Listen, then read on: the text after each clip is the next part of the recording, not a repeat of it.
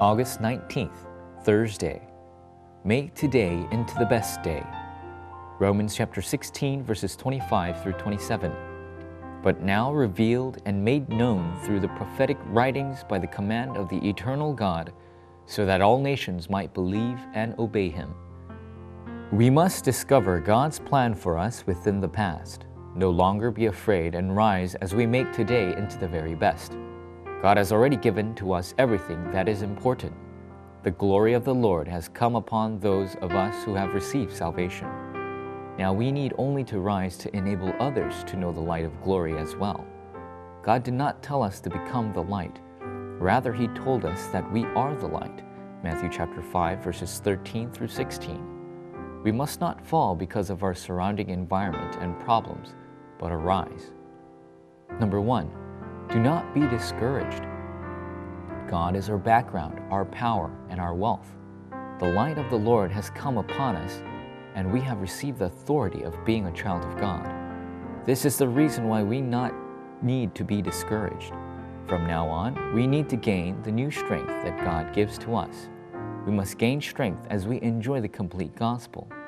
If we possess rational thoughts, specialization, and spiritual maturity, alongside discovering ourselves within the gospel every day, many answers and works will undoubtedly take place. Number two, I will do a new work. How can we make today into the very best day? Without a single exception, the seven remnants all faced suffering and discovered that God did new works in the midst of great tribulations. Making today into the very best day means that we discover a new work. Difficult situations abounded in the early church, but God prepared the greatest answer in all of the earth for the early church. God's blessings are hidden within what seems trivial or worthless. Our children wander because they cannot see this. Even pastors may falter or crumble because they are unaware of this. This is the very strategy of the forces of darkness. Number three, possess the mystery of enjoying the gospel. We possess an amazing mystery that we cannot see with our eyes. We possess the mystery of the kingdom of God. We also possess the name of Christ. We are those who possess the mystery of the Word of God being fulfilled through Christ. When we call out in the name of Jesus, the Holy Spirit will work, the angels will work, and the forces of darkness will be bound. This is the spiritual mystery we possess. If we see problems with the perspective of these spiritual eyes, everything will become an answer.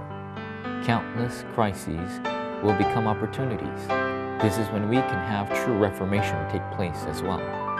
Armed with this mystery of the gospel, we can enjoy our given today to its utmost.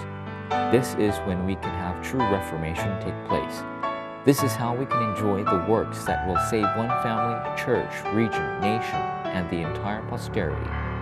Forum topic as you meditate upon the power of the gospel that has been given to you, rise to the opportunity of changing your given reality and situation into the very best opportunity.